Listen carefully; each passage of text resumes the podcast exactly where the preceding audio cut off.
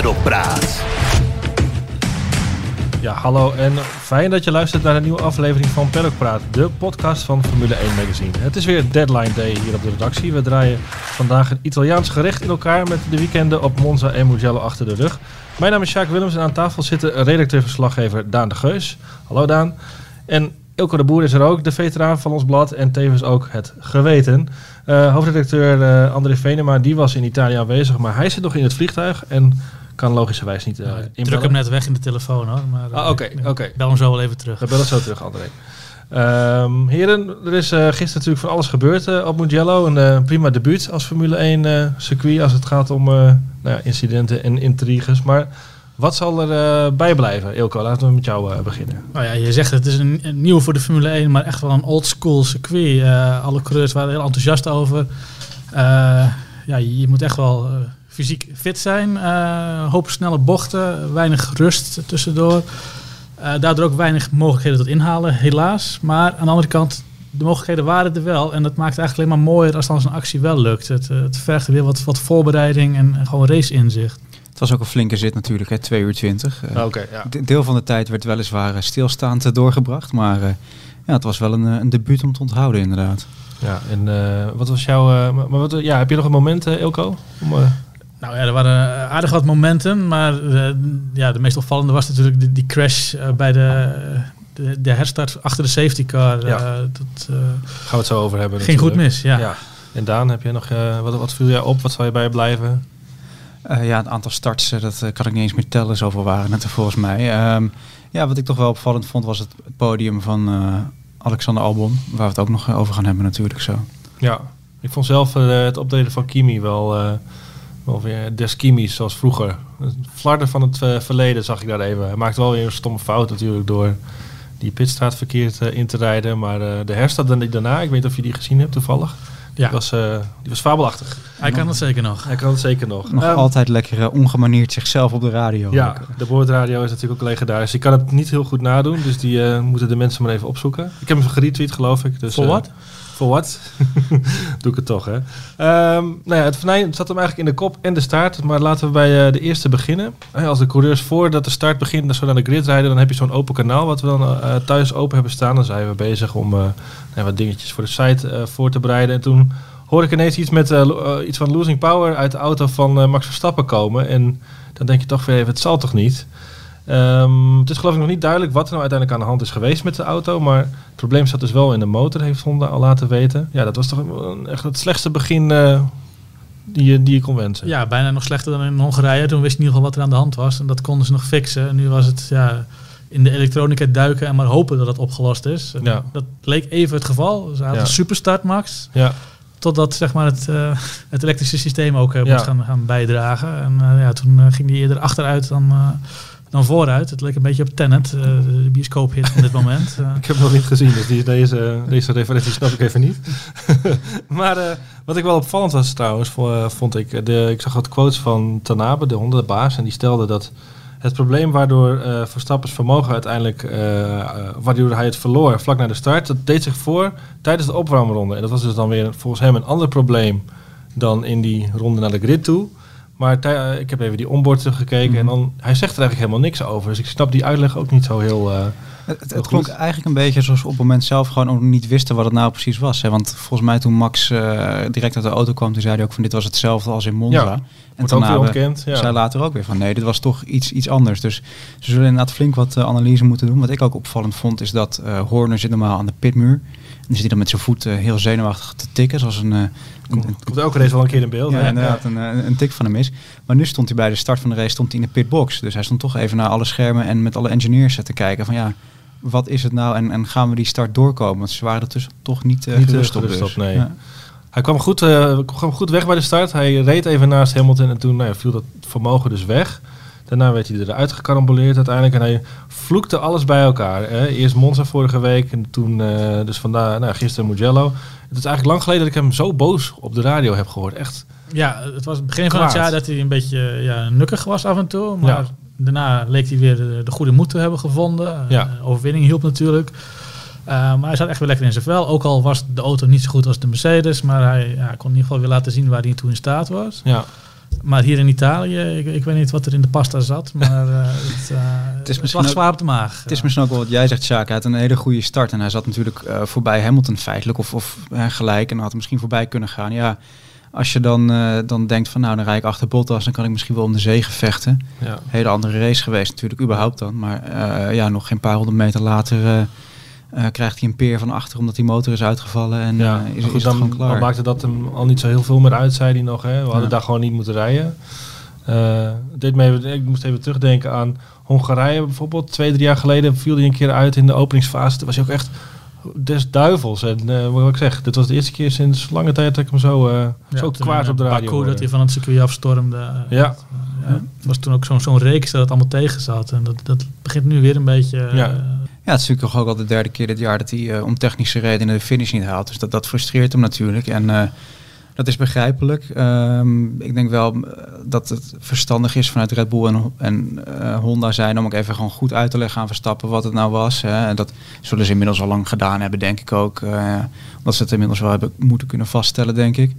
Um, en dat die relatie in die zin ook gewoon beter dan met Renault begeleid wordt. Want met Renault was het natuurlijk wel op een gegeven moment ja, echt een soort koude oorlog was dat. Uh, en dat wil je natuurlijk niet hebben met, uh, met Honda nu. Nee, want alternatieven zijn er eigenlijk niet meer. Uh, andere motorleverancier gaat Red Bull niet zo snel vinden. Nee, nee, en ik bedoel, laten we ook niet vergeten dat op zich die relatie met Honda wel, heel, wel heel goed is. Mm -hmm. um, maar het is natuurlijk wel lastig als het dan twee races op rij iets, iets gebeurt en je, en je eigenlijk ja, feitelijk kansloos maakt voor die tweede plek in het WK. Nou had hij daar zelf sowieso al niet op gerekend, maar ja, het is toch wel zonde natuurlijk. Maar het waren wel races waar, waar kansen lagen. Kijk, Monza niet zozeer op snelheid, maar je, je ziet aan Gasly van ja, met een, de juiste strategie kun je naar voren komen. Uh, Mugello had hij wel die snelheid en ik denk dat dat hem nog gefrustreerder maakte. Want hij, hij, ja, hij kon de Mercedes echt gewoon bijhouden en onder druk zetten. En, ja, zeker met de herstarts die uiteindelijk kwamen. Uh, Is dat zo trouwens? Had hij Mercedes bij kunnen houden, denken jullie? Ja, als je ziet hoe dicht Albon erachter zit, dan denk ik dat Verstappen... Want ik zat even te denken aan, uh, de, sorry, de in de slotfase, ja, Albon was net uh, Ricciardo voorbij en die leek even op weg te zijn naar Bottas. En dat riepen ze ook op de radio. En Bottas bleek eigenlijk uiteindelijk gewoon aan het opsparen te ja, zijn voor de snelste ronde. Een heel optimistisch radiobericht. Ja. Nou, ze waren gewoon aan het spelen op het eind, maar... Er was natuurlijk wel een fase in de race waarin Mercedes ook zei van... hij blijft van de curbs, let op je banden. Ja, dat was natuurlijk wel een moment geweest waarop je misschien had, uh, had kunnen toeslaan. Ja, ja, misschien niet die eindsprint inderdaad, maar uh, ik denk race pace dat hij... Uh, dat een goede kans had gemaakt, ja.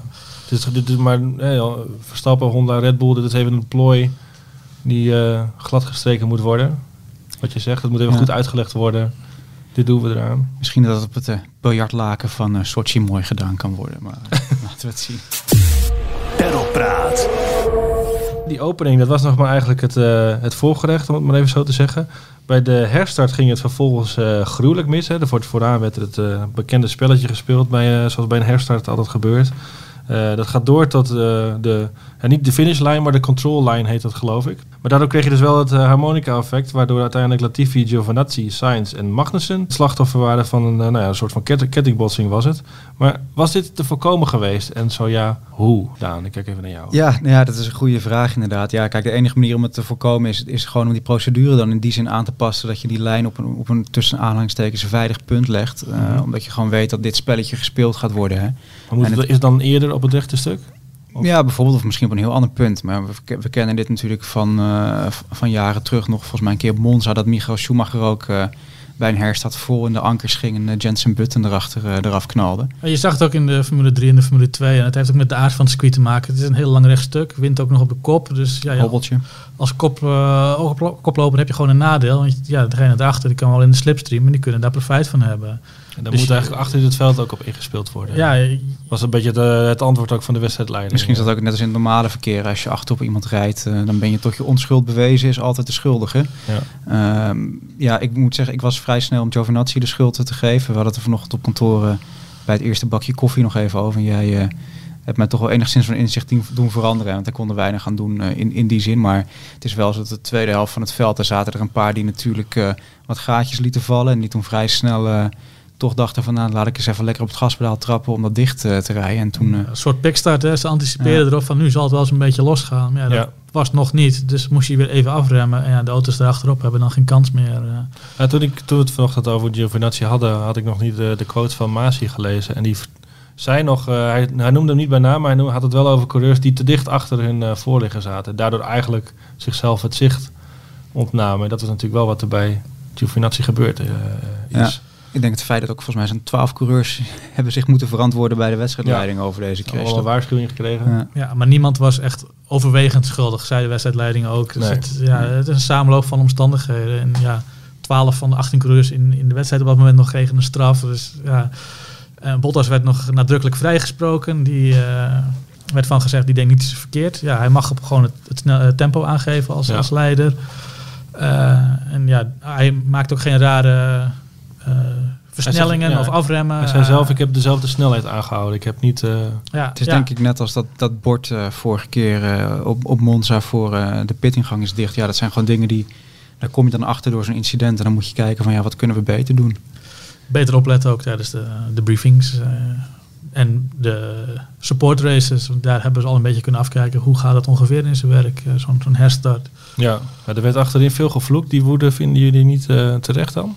Nou ja, dat is zeer terecht, want je, je knalt achterop iemand en je, eh, ja, je zet toch een beetje je leven op het spel. Dus ik kan me Mhm. wel voorstellen dat dan de eerste reactie is van... eh, ja, Maar als in van, hè, er werd naar voren gewezen. Wat doen die mensen daarvoor? We willen ze ons dood hebben? ja, zij weten niet precies wat daarvoor Ja. gebeurd is. Dus Nee. eh, zij, ze zijn, staan opeens is langs de kant met een andere auto op hun dak. Ja, oh, nou ja, geen dak natuurlijk, maar de halo gelukkig. Die Ja. hebben we tegenwoordig. Dus ik denk dat ze de beelden terugzien dat ze ook wel ja, meer begrip hebben voor wat er gebeurd is. En als, als zij zelf in die koppositie zouden zitten, dat ze het niet heel anders ze het hadden zelf hadden gedaan, ja. Eh, Goed, eh, col- eh, onze columnist Koen Vergeer, die eh, heeft hier ook nog wel wat over te zeggen. Hij gelooft ook wel stiekem een beetje van die, eh, van die chaos. Dat hoor je straks helemaal aan het einde van eh, de podcast in de, de uitloopstrook. Formule 1. Pedalpraat. Ehm, na deze crash eh, was er natuurlijk de strijd vooraan. Bottas die, eh, die ging aan kop bij die herstart. En er werd meteen even in bocht 1 de, de oren gewassen. Ja, Hamilton eigenlijk hetzelfde bij hem wat Bottas eh, bij de aanvankelijke start eh, deed. Liet ook wel zien wat inderdaad het voordeel dus was van die, eh, die slipstream daar. Ja, En daarna was het gewoon een gelopen koers. Ik denk elke kans die Bottas had om de race te winnen, die was verdwenen op het Die dat, bij de er, start. ja, Ja. dat een rode vlag kwam. Ja. Nou, hij riep nog, ik wil de opposite strategy dan van, van Lewis. Hij wilde hem dus nou ja, uit gaan wachten. Dat, dat, dat, dat lukte hem niet. Nee, hij kon zijn eigen banden niet goed genoeg houden om, om überhaupt eh, een andere strategie eh, te, te vragen. En, eh, Ik weet ook niet of Mercedes hem anders dat wel had gegeven. En ik denk dat ze gewoon... eh, Ja, ik, ik had het nog even opgezocht. Dat in, in twee rondjes tijd ging zijn achterstand van 2,5 seconden naar meer dan 6. Dus of die banden waren compleet op, of hij zat zo met Mercedes te overleggen dat hij even niet helemaal bij het, bij het rijden kon blijven. Maar Nee. Dat liet wel zien dat het inderdaad niet ging rijden. Ik moet wel zeggen, het, is, het valt wel te prijzen dat hij gewoon zegt van... eh, Het was voor het eerst eigenlijk een beetje, hè? ja, jaar. laten we wat anders doen qua strategie. Ja, Je zou hopen dat dat vaker kan. Misschien dat hij af en toe een keer op wat andere banden kan kwalificeren of zo. Maar Mercedes is er vaak toch niet happig op om die gasten op, eh, op verschillende strategieën te zetten, helaas. nee. En eh, zeker dit jaar zie je dat eigenlijk gewoon maar één strategie eigenlijk ideaal is. Eh, ja, behalve dan een uitzondering als Monza. Maar eh, er is weinig variatie mogelijk. Dus je kan wel iets anders proberen, maar het is eigenlijk per definitie langzamer. En ja, dat wil geen enkele coureur. Ik had me wel afgevraagd wat er dan zonder al die eh, onderbrekingen gebeurd zou zijn qua strategie. Of iedereen dan ook echt één stop en dan echt zo'n trage optocht zouden hebben gekregen. Zullen we nooit weten, maar Het was een hele andere race geweest. denk Ja. ik. Nu zijn we allemaal heel erg eh, enthousiast over Mugello. eh, en terecht, puntje denk ik. Maar eh, het had ook zomaar een hele andere race kunnen zijn dat we zouden denken van nou, volgend jaar maar niet hierheen, eh, alsjeblieft. ja, na de eerste herstart uh, reed Mercedes toch ook alweer heel snel weg van de rest. Hè? Ja, nee, is absoluut. En, eh, ja, er zaten gewoon grote gaten in. En ik zei in het begin wel, inhalen is wel mogelijk met de nodige voorbereiding. Maar je hebt dan natuurlijk wel verschillen in bijvoorbeeld banden of, eh, of, of iets dergelijks nodig. Eh, twee gelijkwaardige auto's, zoals twee Mercedes'en, de- daar zal je weinig eh, Ja. spannende strijd zien, denk ik, op een circuit als Mugello. Pedalpraat. Strijd was er wel eh, om die derde podiumplek. En daar werd ook ingehaald. Het had eigenlijk natuurlijk Stroll moeten zijn, de man, de man op de derde plek. Zeker, ja, Stroll, eh, een prima optreden, dacht ik. Eh, ja, het is misschien een beetje een onorthodoxe mening, maar eh, ik vind hem dit hele seizoen eigenlijk al, al heel sterk rijden. Ja. Eh, het is niet het, het supertalent als een Hamilton of een Verstappen, maar eh, wat, met die auto doet hij wat, wat ermee mogelijk is. En eh, ik denk dat hij deze race wel een beter lot had verdiend. Eh, het podium, ja, het was echt een, een strijd met Ricardo, met daarna Albon. Eh, heel leuk om te zien. Ja, verschillende auto's, verschillende karakteristieken. Dus dan, dan zie je dat je ja, in, in verschillende bochten eh, ook ja, verschillende lijnen kunt, kunt kiezen. Ja. Eh, ja, dat ja, gaf de race wel weer wat smaak. Ja. Is, is de druk nu een beetje af bij Albon, na die, eh, die, nu die de podiumplek heeft gehaald? Vraag ik me af. Het moet echt een doorbraak zijn, denk ik ook dan. Ik denk als hij straks in Sochi gewoon weer op eh 5, 16 zich kwalificeert, dan, eh, dan staat hij druk er gewoon weer vol op. Ik vind het heel leuk voor Albon dat hij dit heeft eh, gedaan. Ook wel verdiend. Hij heeft natuurlijk wat pech gehad eerder in het jaar. Het is ook gewoon een goede coureur. Alleen het, het echte talent is er niet echt uitgekomen tot op heden dit jaar. En Hij heeft niet cadeau gekregen. hij heeft het niet cadeau gekregen, maar wat ik dan wel ook weer denk van weet je, je hebt wel de op één na beste auto. Dus als je dan aflegt van een, tegen een Renault en een Racing Point, dan doe je ook gewoon je job niet goed genoeg. Dus En Horner zei het ook, hij, hij deed het wel op de moeilijke manier. Hij had Ja. Ook in het begin van de race al, al, al veel eh, ja, makkelijker in die podium eh, kans kunnen zitten. ja, Over de boordradio was Albon zelf ook niet zo van uitbundig. Er kwam geen schreeuw uit Eh, of niet- zo, hè? Nee, ja, Nee. Zo is hij natuurlijk sowieso niet. Het Nee. is een heel rustige uh, Hij schreeuwt alleen als hij eh, eraf getikt ik wordt. vond hem bijna een beetje, eh, een beetje hoe zeg je dat? Eh, ja, emotioneel sowieso, maar ook een beetje onderdanig haast. Van, ja, bedankt dat jullie het vertrouwen in mij gehouden hebben. Ja, thanks for sticking with me. Ja. Eh, Toch wel zien dat hij zich zorgen heeft gemaakt, denk ik. Blijkbaar wel. Ja. En uh, ja, het kwam bijna over alsof hij zelf niet vond dat hij die podiumplaats verdiend had in, Ja. in deze race. Wat, ja, wat ik niet met hem eens ben dan. Nog, nog een ding wat Horner zei, dat vond ik ook alweer typisch Red Bull in die zin. Zei ja, eh, gefeliciteerd eh, Alex, maar eh, als Max nog in deze race had gezeten, had hij Mercedes wel moeilijk gemaakt. Denk ik ook van ja, dat, ik snap dat je dat denkt, maar of je dat nou zo moet uitspreken, dat zorgt er ook weer voor een soort van extra ka- kanttekening bij die podiumplaats van Albon haast. Ze houden hem constant bij de strot, zeg maar. Ja, ja, volgens mij heeft Marco ook gezegd hè, dat ze eigenlijk verwachten nu dat hij binnen drie tienden van Verstappen gaat, eh, gaat zitten in de kwalificatie. Dus eh, als ze in die zin echt een, een, eh, een nummer erop plakken, dan eh, weet je wel dat hij echt beoordeeld wordt inderdaad. Ja. Ja. Formule 1. Pedalpraat. Sebastian Vettel heeft een stoeltje hè, voor volgend jaar. Was dat nog een enorme verrassing voor jou dat hij naar Aston Martin gaat? Nee, dat, het, het zat eigenlijk al weken en maanden aan te komen Ja. natuurlijk. Ik denk dat, dat hij vooral wilde afwachten hoe pakt het uit met die, eh, die zaak rondom het kopiëren. Nou, dat is duidelijk. Ehm, en ja, leuk voor hem. Ik ben eh, benieuwd hoe, hoe, hoe hij daar gaat doen. Ik denk beter dan bij eh, Ferrari in die zin dat hij, dat hij meer, het, meer het beste uit zichzelf zal, zal halen. Ja. Het lijkt me een omgeving waarin hij wel kan, kan renderen. Elko? Helemaal mee eens. Eh, ja, er waren twee opties. Of naar Aston Martin of met pensioen. Hij is gewoon nog te veel fan van de sport. Eh, dat, dat kun je straks ook lezen in het eh, Ferrari-nummer dat we nu aan het maken zijn. eh, om er al mee op te houden. Hij, hij houdt echt gewoon van de Formule 1. En, dus ik, ja, ik zag inderdaad wel aankomen dat hij, dat hij verder zou willen. Eh, ik ben heel benieuwd wat voor effect hij op het team kan hebben. Maar ook op, op Lance Stroll. Of hij die, die jongen omhoog kan trekken. Want dat moet toch ook het doel zijn. Sergio Perez zou je kunnen zeggen op dit moment is een betere coureur dan Stroll. Maar ja, hij is al iets ouder. Eh, er zit minder groei, minder rek in. Eh, dus ik heb toch wel het heeft de vermoeden... verkeerde vader de natuurlijk. verkeerde vader. Maar ik denk dat de vader denkt van ja, Vettel kan mijn zoon ook beter maken. En dat Ja. hij daarom ja, Vettel verkiest boven eh, ja, de, de stabiliteit van, van Perez. Ja. Ik vind dat Vettel ook wel heel erg past bij het merk Aston Martin. Het is toch een beetje dat, hè, dat klassieke Britse. Hij is zelf natuurlijk ook een liefhebber van, van oude spullen. En van Britse humor en van Britse films. dus eh, dat komt mooi uit. En Ja. eh, hij krijgt volgens mij ook een mooie blitse Britse sportwagen voor de deur Ja, straks. die- Dus, eh, Het zal aan hem beter besteed zijn dan andere coureurs eh, op de grid. eh. Pedalpraat. Ilko, jij staat, eh, op, zit op hete kolen. Jij wil zo de studio uitrennen. Eh, Nee, rennen doen we niet in de Oh, rennen doen we 1, niet, hè. Oké. is Teken dat je geen controle hebt eh, en alles is onder controle. Maar ik moet zo wel de hoofdredacteur terugbellen. Dus Er moet nog eh, een Ferrari getinte koffer gemaakt worden. Die zie je eind deze week dus makkelijk in het schap eh, liggen door die kleur rood. Ehm, behalve die twee an- Italiaanse races heeft André namelijk ook een eh, bezoek gebracht aan de fabriek van eh, Lamborghini. Hij sprak met CEO Stefano Domenicali, hè, de oud teambaas van Ferrari. Heeft hij nog een, een spannende opvatting over het lopende seizoen? Nee, Dominicali wil, wil zich niet uitlaten over de huidige stand van zaken van Ferrari. Uit, uit respect voor de, voor, de, voor de mensen Ja. die daar nu werken. Eh, hij is destijds zelf bij Ferrari opgestapt omdat hij het, ja, het team weer een nieuwe kans wilde geven. En hij, hij, hij houdt zich wat dat betreft op de vlakte. Eh, Op zich wel classy eigenlijk. Ja, heel netjes. En ja, ja, hij is natuurlijk ook goed terechtgekomen. Hij zit nu bij Lamborghini. Hij is eh, voorzitter van de VIA Single Seater Commissie. Oké, ja. Eh, er spelen ook wel wat politieke dus. belangen Ja, bij. ja, ja. je wil niet tegen al te veel heilige huisjes schoppen in zo'n Nee. functie. Maar eh, nee, het, het is een hele nette man. Ook destijds als, als teambaas bij Ferrari was dat mijn indruk van hem. Dat hij eh, Heel correct, heel ja. correct, heel beheerst was. eh, Zijn voorganger, zijn voorganger was iets minder... met concurrenten.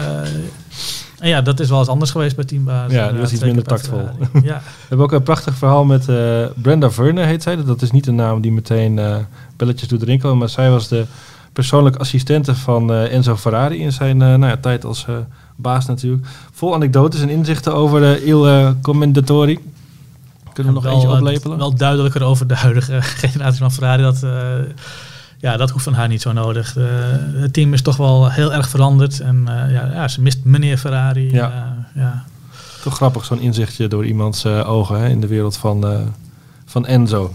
En onze fotograaf Peter van Egmond heeft zijn favoriete Ferrari-foto's uitgezocht. En daar zitten eh, uiteraard weer een aantal eh, pareltjes bij. We hebben nog een panelgesprek over de staat van Ferrari momenteel. Eh, daar gaat het natuurlijk iets minder goed, zoals we allemaal weten. Tom Coronel, Michael Blekemolen, Allard Kalf en Rob Campus geven hun mening daarover. En die laatste heeft ook nog een, Campus heeft nog een mooie column geschreven voor ons blad. Dat en meer dus deze week in de winkel. Dit was het voor nu. Een vrij weekend staat ons te wachten. Ik denk dat het thuisfront daar ook wel over te spreken ja, is. na negen races in elf weken is dat, dat, dat vrije weekend altijd toch wel eh, zeer welkom. We kunnen even ademhalen. En dan eh, melden wij ons weer naar de Grand Prix van, eh, van Rusland. En tot die tijd is er natuurlijk onze site formule1.nl voor het laatste nieuws. En zoals altijd gaan we er nu uit met eh, de uitloopstrook van Koen. Hij kan wel genieten van een beetje chaos. De uitloopstrook van Koen. Mugello! Klets, bang, dang, kraats, plof! Hoho, Mugello! Hebben jullie ook zo genoten? Monza en Mugello, twee Italiaanse oldschool racetracks, lieten ons zien hoe gaaf de Formule 1 kan zijn. Genadeloos jakkeren en een beetje chaos. Ik zal meteen maar bekennen, ik hou ook wel van zo'n startcrash. Met flink veel rook, chaos en opgehoopte auto's. Zolang niemand zich bezeert, hè? Zolang niemand zich bezeert. Vroeger. Vroeger vloog de boel meteen in de fik. Vouwde de wagen zich op of werd uiteengereten. Daar vielen doden bij. Ronnie Patterson. Gelukkig is dat niet meer zo. Toch, elke keer schrik ik enorm van zo'n massacrash. Denk maar aan die scrum in Spa van 1998. Of aan Singapore 2017. Gillend zit ik dan voor de buis.